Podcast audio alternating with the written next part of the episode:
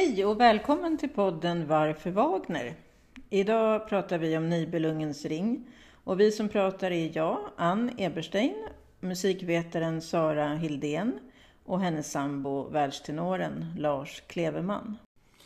Ja, men då för att kunna ha den här diskussionen, jag vet inte om man måste det, men att vi ändå satsar lite på att försöka väldigt, väldigt kortfattat beskriva 15 timmars handling i, liksom, vad handlar den om? Ja, för mig då som inte kan den alls på samma sätt som ni så handlar den om girighet och om eh, liksom, jakten på pengar och hur den förstör och eh, ja, hur världen går under av det. Men jag skulle vilja veta, vad, vad skulle ni säga, vad är liksom huvudtemat? Makt och kärlek. Jag skulle säga att det beror lite på utifrån vilket perspektiv man tittar på det. Att man, alltså, den skulle kunna handla om att eh, den här strävan efter makt förgör världen. Kan man absolut säga. Men jag tycker, för mig, det som är intressant det är att jag tycker att det handlar om en dysfunktionell familj. Och kanske framförallt relationen mellan pappa och en dotter. Liksom. Och sen må de vara gudar eller jättar eller alfer. Men det är liksom, för mig är det det som är det roliga med det hela. Liksom. Och vad säger du? Om du börjar alltså prata om kärlek och makt. Ja, det är väl jag de tänker, två kontrapunkterna kan man säga. Jag tänker att du måste ju ha sett en enorm mängd, det har varit en del av en enorm mängd olika uppsättningar, olika tolkningar av den här. Mm. Så vad, om du skulle liksom säga, berätta några av de tolkningarna. Skulle du säga att alla har makt och kärlek som sina punkter? Ja, det går liksom inte att komma undan texten så. Eh, oavsett om man förlägger det till någon sorts vikingatid eller sagotid eller någon förort nu idag. Eller, det kan man göra. Man kan förlägga det vart som helst. Så handlar det om de här sakerna. Det handlar om, om, om att välja makten eller kärleken eller att, att som du säger, en dysfunktionell familj. Vilket man väljer att göra. Man väljer att följa sitt hjärta eller följa det som är bäst för en själv. Och du Sara, du har ju sett den här också väldigt många gånger. Mm. Så om du tar det dysfunktionella familjeperspektivet, har du sett det på väldigt många olika sätt? Ja, som sagt, det ligger, även det ligger i texten så att säga. Så att eh, det finns ju med alltid. Sen kan man ju liksom jag vet i Stockholm och i Valmar, Staffan Valdemar Holms uppsättning så var det ju väldigt tydligt att du som Sigfrid då hade någon sorts ADHD. Alltså att han, han jobbade med det mer och, och även när jag har sett dig i Linz och så vidare. Kanske inte lika mycket i, på Metropolitan så hade de inte så mycket av den delen med. Men det finns i texten, alla, alla har väldigt krångliga familjerelationer. Om vi, säger, om vi säger så. Men om du skulle berätta Sara lite om själva pappan och dottern. Mm. Berätta lite om det. Ja, för då har vi, alltså pappan, allas pappa på något sätt i den här eh, berättelsen är ju Våtan som är överguden, så att säga, Oden i våran svenska mytologi. Eh, han är pappa dels till väldigt många olika personer, rent konkret, och han har liksom en fru som han bedrar ständigt, eller har bedragit ständigt. Och eh, det är också han är väldigt intresserad av makt. Och han är väldigt intresserad av att utöva sin makt också, även över sina barn. Och eh, barnbarn kan vi säga, och eh, ja, andra människor och Varelse.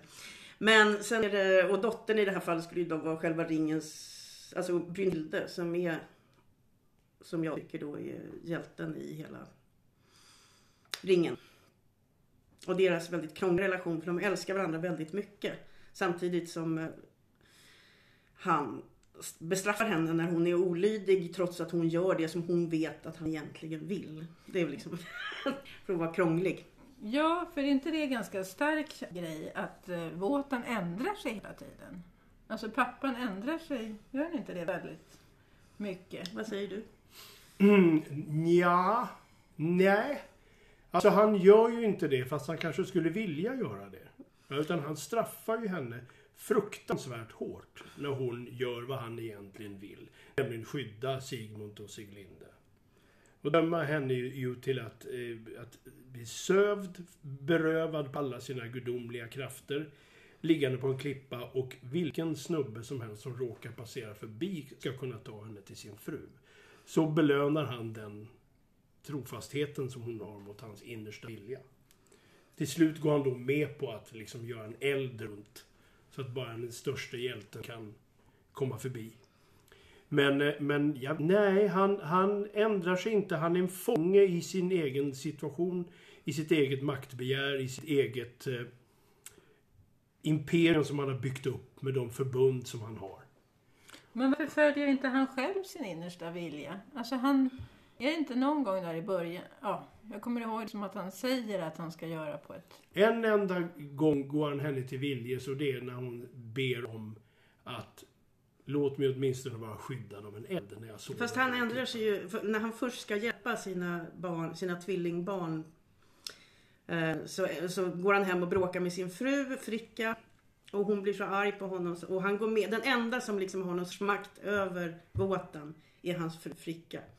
Så att när han, han har förutsatt sig att han ska hjälpa sina oäkta barn så blir hon arg på honom och då ändrar han det beslutet och går henne viljes och ser till att de blir dödade istället. Ja, precis. Ja, ja, ja. Han ändrar ser till att döda. Ja, ja. Men det, är- det är ju så här... eh, Ja, det är så svårt. Och, men, men grejen är så här att, att vad heter det? Fricka, frun, nöjer sig inte med att han inte skyddar de här jordiska barnen, Sigmund och Siglinde. Utan Sigmund, åtminstone Siglinde, måste dö. Det är hennes krav. Och då skickar han Brunhilde som är en, en sköldmö, ska man kalla det för på svenska. Valkyria. säger- Valkyria ja, men i alla fall. Att göra sitt jobb, att förkunna för Sigmund att han ska dö och att han ska komma till Valhall. Då, men vill du verkligen göra det här? Och ifrågasätter hans beslut. Och då, då säger han att han straffar henne med... Han slår ihjäl henne om hon inte gör som han säger. Han har ingen som helst millimeter av, av lyssna på vad hon säger där. Och hon går ner och gör det. Sigmund då säger att han hellre dör med Siglinde än att komma till Valhall och träffa sin far och all- alltihop det här. Då ändrar Brunhilde sig och vill hjälpa honom i striden mot Hunding. Då kommer Våtan ner och går emellan och bryter Sigmunds svärd, dödar Sigmund. För jag tänker bara så här, ni har ju sjungit, du har sjungit den här hur många gånger som helst. Mm. Den är jätte, jättelång. Och du har sett den här hur många gånger som helst. Och ni är fortfarande superengagerade. Mm. Och då vill man ju liksom förstå, vad är det som är så spännande fortfarande med Brunhilde och hennes pappa? Vad är det liksom... Och, och hur ser det ut i olika uppsättningar? Och varför tröttnar ni inte liksom? Eller gör ni det? Har, har du tröttnat Sara? Nej, jag har aldrig tröttnat faktiskt. Inte på det där. Och jag tror, jag menar, det, hade det varit teater så hade jag förmodligen tröttnat på det vid det här laget. Men nu är det ju den här fantastiska musiken som ligger där också. Eh, som gör att, nej jag vet inte, jag tröttnar aldrig. Och man kan säga liksom en fem timmar lång Jorden går under, Götterdämmerung. Ja, det är liksom, jag, jag ser fram emot det och jag tycker det är härligt varenda gång. Liksom. Mm. Ja, det blir bara bättre och bättre för varje gång. Faktiskt är det bättre. Mm. Och ju mer, alltså allt omkring också blir tydligare och tydligare. Sånt som man inte tänker så mycket på i början när man bara ska klara av sin roll.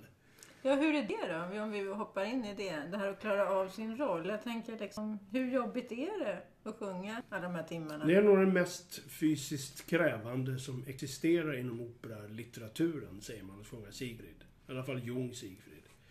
Och det kan man, eller det kan man inte. Och det upptäcker man på premiären om man, vilken kategori man tillhör. Så att det är spännande. Mm. Så man måste vara lite som Sigfrid själv. Så. Inte förstå vad rädsla är. Inte vara orädd, det är en annan sak. Man får inte förstå vad rädsla är. Sigfrid själv tycker det vara roligt att förstå vad rädsla är. För att det låter som, okej, hjärtat slår och man andas mycket. Oj, jag måste få lära mig vad rädsla är för någonting. Så. Men alltså, är det någon gång som du har stått där och bara sagt nej, jag klarar det inte? Ja, ja, man har kroknat ett par gånger. Inte så mycket, men ett par gånger. Ja. Och hur blir det då? Ja, då bara pratar man sig igenom så gott det går. Det har hänt alla. Så att man är i gott sällskap. Men alltså annars är det så att du ska hålla rösten på något visst sätt för att du ska kunna ge allt i sista akten? Det eller? är ju allt från början. Det är 180 från början. Man brukar säga så här, någon som har räknat ut att som Jung Sigfrid sjunger man en italiensk stor tenorhuvudroll fem gånger om, ungefär. Två gånger per akt. I aktiv, i, i, i, aktiv tid.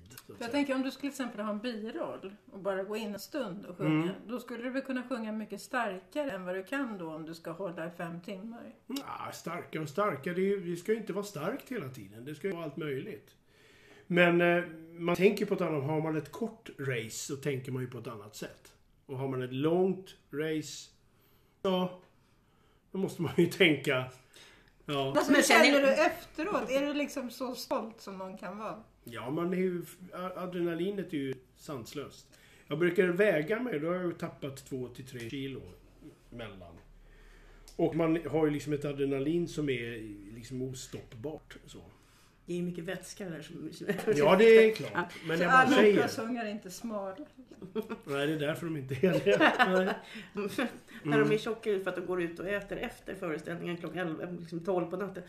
Men jag tänker att det, det är inte bara rösten som ska hålla utan det är framförallt också eh, din energi som jag har förstått. Energin och minnet man ska komma ihåg. Fem timmar tysk text. För jag vet att du brukar gå ut i pausen och dricka så energidrycker och sånt där. Ja, det liksom gjorde jag nu sist på Operan. Jag drack en sån där Zlatan tömde en sån innan tredje akten. Mm. Ja, det För det är... är nästan värre. Ibland när jag har bråkat på dem, jag tycker att du liksom, så är det för att du är lite trött. Ja, men och det som, kan man ju Sig, bli. som Sigfrid får man aldrig vara trött för Sigfrid är ju bara glad och man, får bli energisk. trött, man får bli trött vid ett tillfälle. Det är slutet på akt två. För då säger han att han är jävligt trött. för då har han slagit igen Mime och Fafner och ska släpa in deras lik och begrava dem i grottan. Och då säger han att han är väldigt trött och solen bränner så hårt. Han måste vila ett tag. Men jag måste bara fråga här Sara. Du säger att du bråkar på Lasse. Alltså vad menade du med det? Du bråkar på att han känner sig trött eller att han inte har tagit tillräckligt med energi? Nej, nej men, nej, men han, det vanliga, om jag ser en föreställning när han är med, det är att han hör av sig direkt efter första akten, i pausen, första pausen och frågar så här, "Ha, hur, vad tycker du? Och då måste man skriva någonting vad man tycker och då har, tyvärr har ju jag alltid väldigt mycket åsikter om saker och ting. Men jag är inte, jag brukar vara så elak. Ni brukar vara ganska snäll Ja. tycker jag. Ja. Men Snällare än ibland, jag. vad sa du? Snällare än jag. Ja men du är alltid elakast mot dig själv. Så Ja, det ja, liksom. gud ja.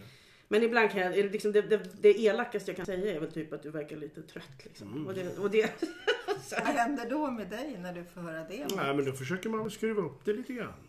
Det är, det är ett långt lopp. Det är ett långt lopp. Alltså det är i den här karaktären, Sigfrid är väldigt speciell. Han har, det är ju liksom någon sorts ADHD, Kaspar Hauser som du sa någon gång i någon intervju. Att det, han är liksom, han, han måste liksom vara 100% superenergisk hela tiden och glad.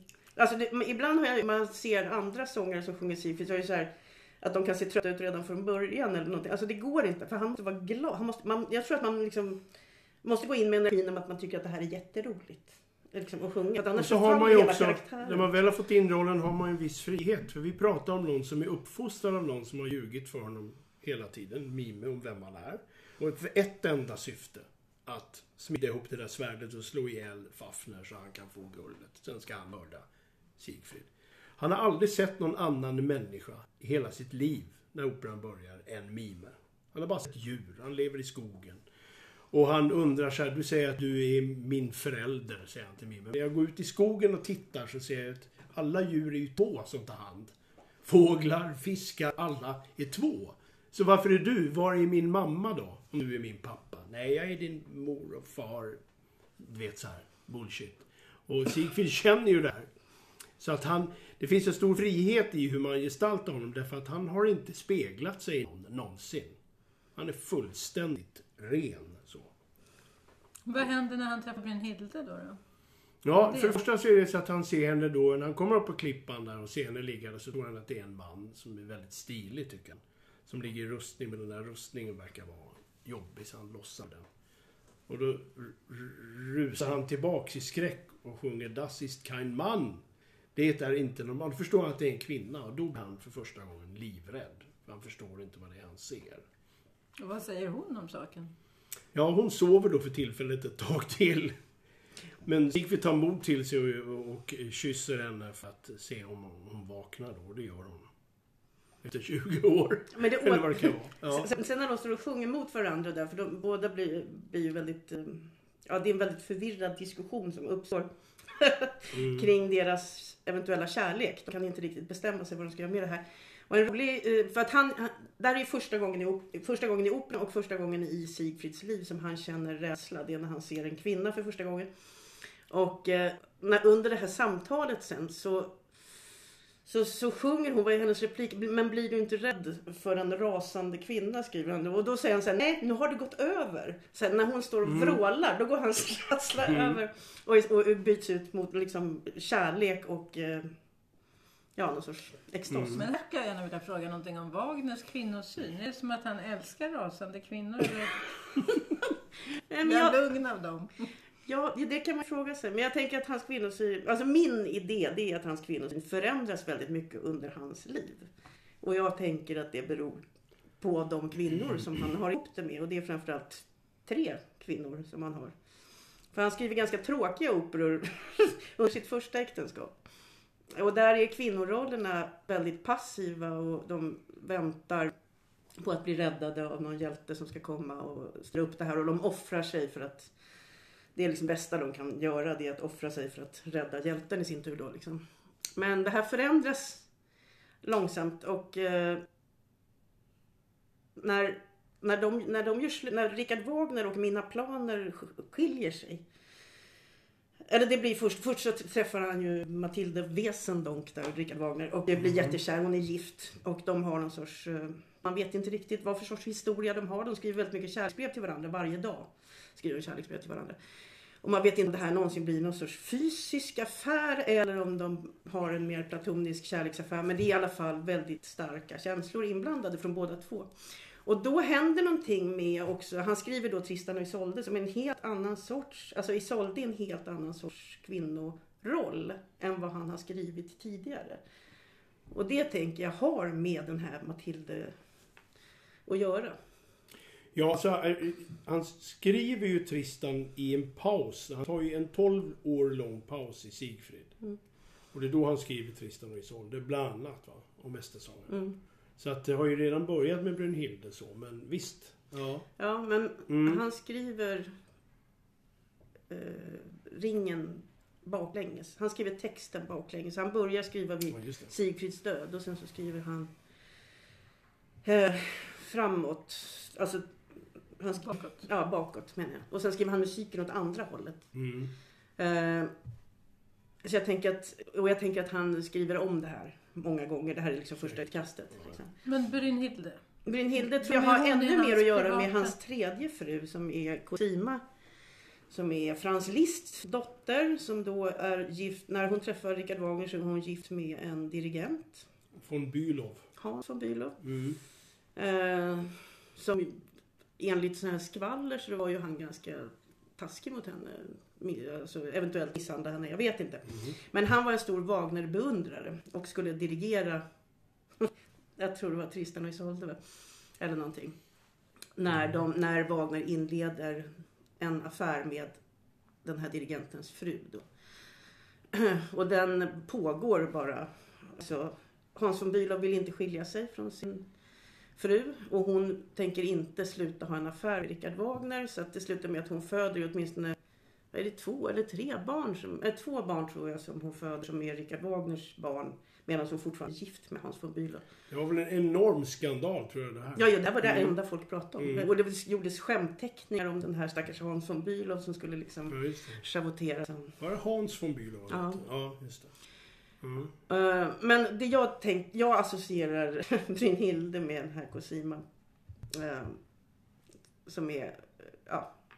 Alltså hans kvinnor blir, alltså hans kvinnoroller blir mer och mer självständiga och eh, Men I det kan man ju också säga att han utvecklas som kompositör. Därför att när han börjar skriva opera på 1830-40-talet.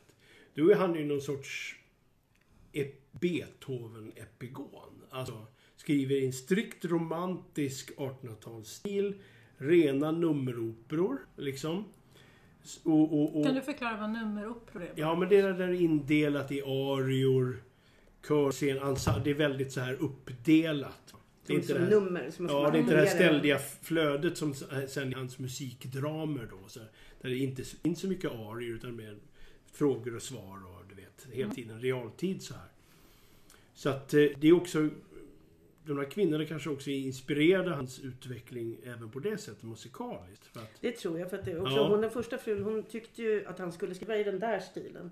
Hon tyckte ju att hans operor började bli liksom för konstiga. Hon förstod sig inte på det där. Och, Mm. och det tror jag var svårt eftersom eh, Wagner Bra själv... att skilde sig tycker jag. Ja, det kan man ju säga. Eh, jag, jag tror också att han var ju en extrem narcissist och liksom behövde väldigt mycket bekräftelse. Så när hon, hon liksom inte riktigt gillade hans utveckling så tror jag inte att det var bra för deras äktenskap. Nej, nej. Nej, men det, här, det var ju också en stegvis utveckling från, från flygande holländaren som är väldigt sådär. Det är sällan tiden. bra i någon relation att man inte gillar dens utveckling. Nej, det kan man säga. Men flygande holländaren, eller hur? Tannhäuser. Då har det hänt lite. Lohengrin har det hänt lite mer. Och i, i Tannhäuser Ja. så är det ju också, det är nästan roligt. Därför där, där, där finns det två kvinnliga huvudroller.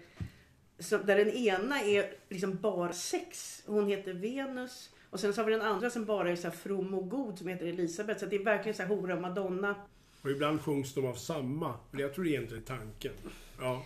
Men, men det blir nästan som patetiskt att, eh, alltså den den- uppdelningen. Fast Den är svår den. den är, den är svår att vara snäll emot den här handlingen. Men nu byter jag fråga här. Mm. Nej, nej, det var inte förlåt. Det var ju otroligt kul att höra. Eh, Men jag tänker i alla fall vad det är som gör att det går att se på den här och att sjunga den år ut och år in. Liksom, vad är det som är så himla bra? Vad är det som blir nytt? Vad är det som är... För det första är musiken det, bland det mest fantastiska som har skrivits överhuvudtaget. Och det är ju inte en oviktig del av det hela. Det är egentligen det golv som allt annat ligger på. Och den går inte att tröttna på för den är så full med nya saker att upptäcka. För att första gången man lyssnar igenom Götterdämmerung eller något sånt där. Då tycker man bara att det är en enda sås som pågår i sex timmar. Och sen när det blir tydligare och tydligare. Det är som ett foto som framkallas extremt långsamt. Så här. I, i, inte bara någon minut under, under decennier. Så i, idag kan jag ha en väldigt klar och tydlig bild på Götterdämmerung eller Sigfrid eller någon annan del. Och se hur fantastiska de olika delarna är. De olika rollfigurerna, olika temana möts och går ihop till en och samma grej. Och då blir det liksom ännu roligare att, att, att göra det när det för första gången står helt tydligt för en. Efter att man liksom, ja, jag började ju lyssna på det på 70-talet. Jag började sjunga som körsångare i operan i början på 80-talet, så för 40 år sedan. Och har gjort roller i, i det här då, i 20, mer än 20 år. Så att det är en, en livslång resa. Och den slutar aldrig att vara intressant. Liksom. Och det är grunden i musiken. Och vidden på det hela. Men berätta mer om det. Det är ju helt fantastiskt på något vis. Men vad är det, vad är det i musiken som träder fram? Är det de här olika liksom, ledmotiven eller olika människodelarna? Alltså, hur, går det på något sätt att sätta ord på vad det är? Ja, sätta ord på det är ju svårt för man behöver höra det. Men, men man kan ju säga att det är en extremt emotionell musik. Det är klart, det började ju komma då på 1800-talet att, att eh, eh, det här väldigt tuktade Mozart och Beethoven-tiden så blev mer storm och drang och mer starkt uttryck. Kontraster mellan svagt och starkt och men det är att det är så fruktansvärt emotionellt. När jorden går under i Ragnarök, då är det verkligen inte en... Då finns det inte en pinne kvar alltså. Då tar orkestern ut allt vad de har. Plus lite till. Och då så höjdpunkter. Men är det inte också Ja. så att, att det är någonting med att eh, Wagner liksom lägger in att varje person har sin melodi Oh ja. Mm. eller vad man ska säga, ledmotiv. Och sen att, heter det ledmotiv? Ja, ledmotiv. Ja, Ja. varje person har sån. Och sen att ibland kommer någon sån person som inte är på scen. Mm. Och att det är som att den liksom berättar någonting. Ja, det är sant. Det är, ledmotiv kan ju komma... Dels kan de vara personer, de kan vara föremål, de kan vara egenskaper, eller hur? Så, ja. Svek, du vet, lögn, strid. Så här. Har du kommit på det? Så här, eller har ni kommit på det? Så bara, det där måste vara stridackordet. Liksom. Nej, men man har ju pluggat och man har ju så här texthäften där det står så här. Svek, lögn, försåt, mime, guld, så. Ja. Så att det är ju liksom... Allt det där det glömmer man ju bort. Det är precis som att köra bil. Man kommer bara ihåg högerregeln. Det texthäftet, är det Wagner som har skrivit det? Ja, men han körde ju det där. Det var han som myntade det här. Och, men sen är det ju naturligtvis fantastiskt att man hör något tema som man hörde liksom för två operor sen återvända i en annan del. Som... Jag tänker bara på när vi gjorde, hade kollationering för Ragnarök på Operan. Och det tema som Sig Linde... jag, jag, skulle just, jag skulle berätta att Staffan Valdemar Holm började nästan gråta på den kollationeringen. Därför att han säger att det finns ett tema som Siglinde sjunger i Valkyrian. När hon tackar Brynhilde för att hon räddar hennes liv. Och Sigfrid som hon bär på. Det temat sparar Wagner sen till slutet på Ragnarök när hela Valhall och allting går under. Och störtar brinnande ner i floden Ren. Och när alltihop det har gått över så kommer det temat tillbaks. Där.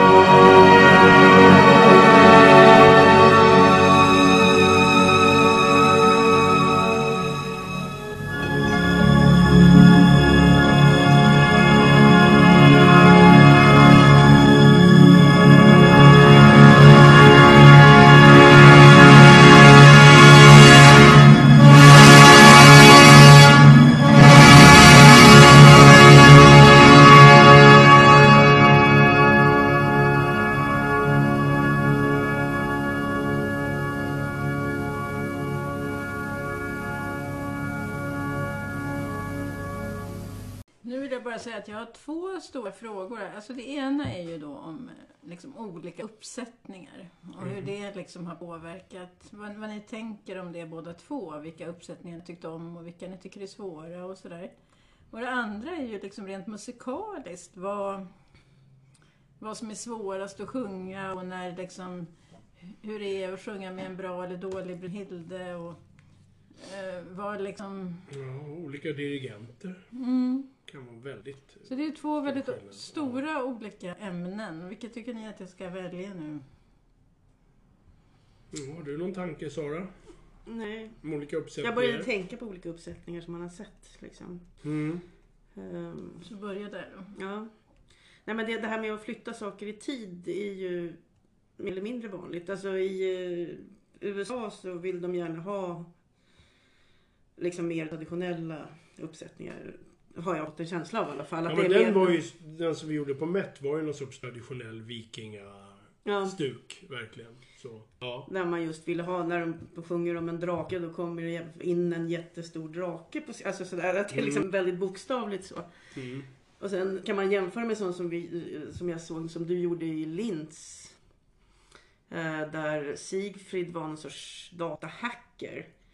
Ja, Eh, och där mycket utspelade sig på filmskärmar som var som dataspel. Liksom, draken var liksom en, en, eh, ett hinder i ett dataspel. Och så. Mm. Eh, vilket jag tyckte var en väldigt rolig tolkning. Jag tyckte den var väldigt Ja, lyckad om faktiskt. den. Jag gillade Mm. den väldigt Ja. mycket. Så att det, det kan ju vara bra. Alltså jag gillade den på Metropolitan också. Och, och det är kul när det kommer in en jättestor drake. För det är inte så ofta man ser det. Så att det är liksom, jag skulle, det jag fortfarande inte har sett, det är liksom, jag skulle vilja se en ännu mer sån här som verkligen är som en fantasyfilm där alla verkligen liksom, de satsar på effekter och verkligen gör som någon sorts Hollywood-version. Mm. Det skulle jag tycka var roligt. Men det är också kul med de här tolkningarna som verkligen går... Det, det här går ju att förlägga lite var som helst faktiskt. Det funkar så. Men den här relationen som du är så intresserad av. Brynhilde och hennes pappa. Mm. Har du sett någon tolkning där du tycker att det kommer fram extra mycket? Nej. Jag tyckte för sig att den var ganska bra där i Stockholm. Mm. Han pratar mycket om det, att han ville gestalta den dysfunktionella familjen. Så. Nu pratar vi om Valdemar Holm. Mm. Ja. Ja, han var, han var väldigt familjeorienterad. Det var mycket Mm, om det, mm. just de relationerna och det kändes ju också eh, i den uppsättningen tyckte jag. Men vad tänker du? Hur skulle de lösa sin relation? Brynhilde Nej, men den, alltså, den, lös, den, den går ju inte riktigt att lösa därför att uh, det blir som det blir. Och det här uh, liksom... Men det finns ändå väldigt mycket kärlek mellan de här trots att det blir som det blir. Och det är ganska... För det, där hade ju till exempel uh, i den Stockholmsringen så hade ju... dyker han upp, Våtan på filmduk, när hon sjunger sin Ungefär på det här vi lyssnade på. Ja, precis. I, i eld så här, han brinner upp. Så, ja precis, så dyker mm. pappan upp eh, som brinner upp långsamt med den här eldmusiken som då är temat um, när hela Valhall... Det här är ju en sån här sak som har sysselsatt scenografer genom århundradena hur man mm. gestaltar att Valhall brinner upp, störtar ner i ren som svämmar över. Det är, liksom, det är inte så helt lätt för en scenograf att lösa det här. Tota ihop så där har man ju sett väldigt många olika och ofta faktiskt ganska tråkiga varianter. Ja. Man skulle vilja ha liksom, att allting bara förstörs och det har aldrig hänt. Liksom. Nej. Och sen det här kärlekstemat som kommer sen, hur skulle man vilja att det gestaltar sig? Det var ju lite roligt där i Köpenhamnsringen för där, där dyker ju, precis i slutet, så står ju är det Brynhilde som överlever där eller vem är det? Det är någon som står och tittar med en kikare. Nej men det är ju Lins. Götterdämmerung Lins. Det, det var Lins, Det tycker jag väldigt, var väldigt fint därför att där var det så att ungefär den här musiken vi lyssnar på nu när allt brinner och förstörs. Det var en enorm skärm i, längst bak.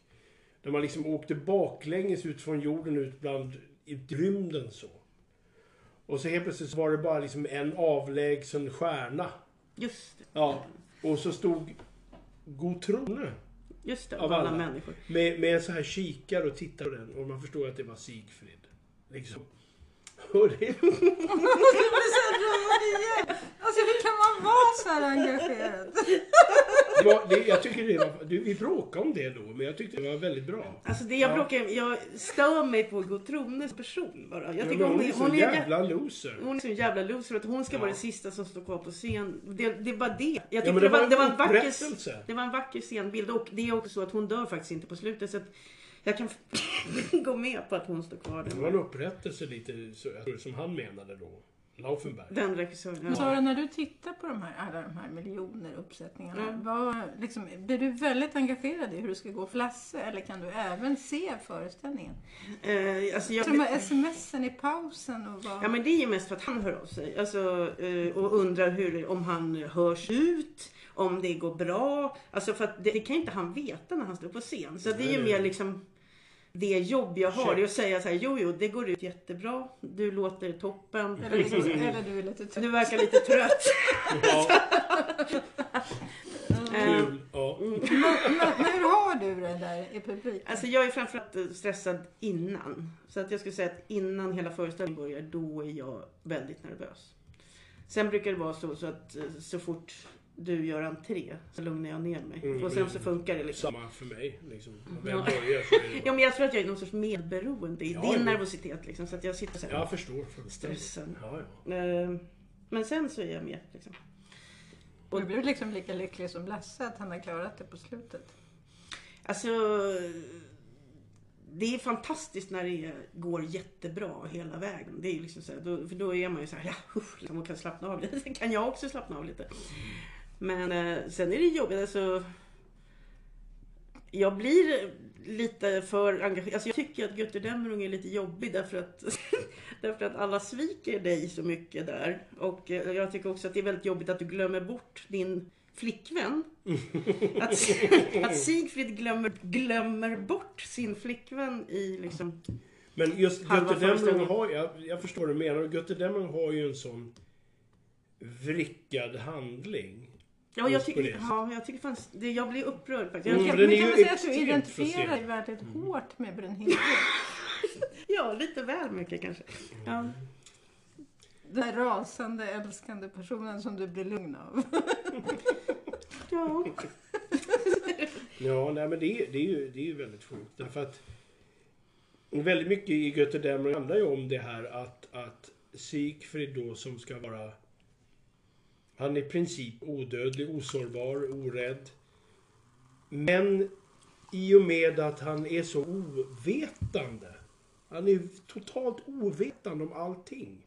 Utom det som Brynhilde försöker lära honom där, eller hur? Ja. Men han tror att han är fullärd när han ger sig iväg då. Alltså en fruktansvärt naiv och eh, socialt inkompetent person. Så han låter sig luras av första bästa lurendrejare i de här Gibichon-familjen då. Mm. Och Hagen. Och dricker en dryck som gör att han glömmer bort Brunhilde. Och blir kär i Gotrone. Och så säger han till Gotrones bror så här, "Ja, har du någon tjej då? Nej, det är en jag är intresserad av. Hon ligger och sover på klippa omgiven av eld och henne kommer jag aldrig kunna hämta. Liksom att det är för svårt. Ja, men det kan ju jag fixa om jag får gifta mig med Gotrone. Men det här glömmer bort om du gör inom citationstecken Sara. Ja. Ans, liksom, vad tycker ni om det? Glömmer han bort henne eller Ja, glömmer han enligt, inte enligt bort henne? librettot så får han alltså en dryck som gör att han glömmer bort Brunhilde. Mm. En trolldryck. Och ehm, så kan man ju tolka det som man vill och det gör ju olika regissörer på olika sätt. Och hur tolkar du det då Lasse? Ja, alltså det lite får man ju spela med i regin. Alltså Staffan, där var det nog att man skulle köpa det. Ja, men det är väl ofta meningen att man ska köpa det för att eh, de... Mm. Men jag Ja, för det går ju så här, det går ju så va. Det är inte något stegvis utan det är Men det är också så att han har inte träffat några tjejer förut. Nej. Så att det är så här, första gången han träffar en ny tjej så bara oj då, jag drack nog en dryck och så glömde jag bort. Ja, just, han, hade han har träffat liksom så här, summering. Han har träffat Bime, dvärg. Och har träffat Brynhilde. Så träffar han flera människor till. Så en andra tjej. Ja, finns det två tjejer i? Wow! Men vad finns det egentligen?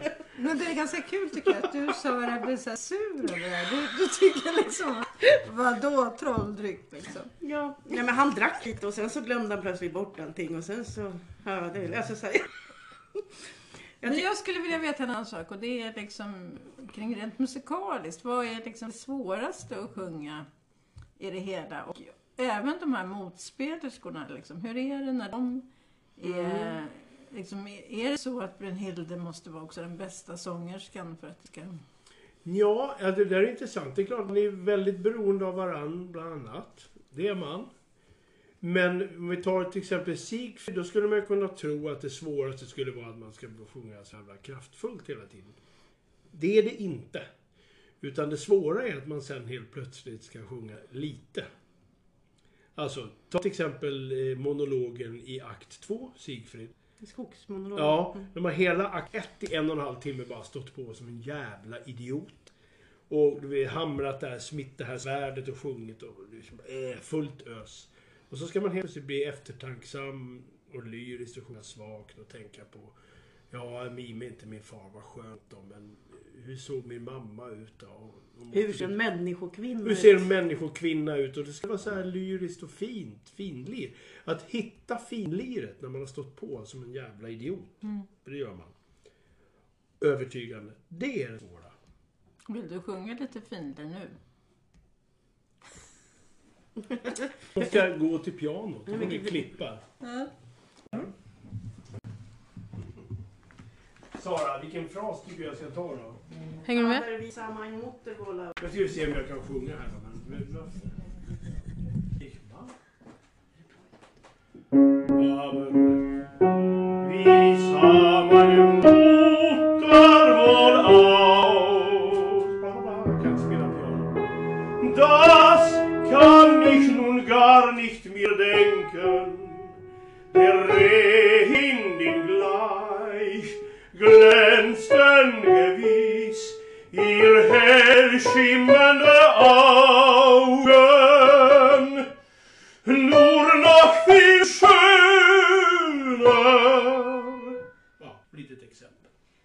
det var allt för Varför Wagner idag. Vi hörs nästa gång. Jag heter Ann Eberstein och jag har pratat med musikvetaren Sara Hildén och Wagner-tenoren Lars Kleveman.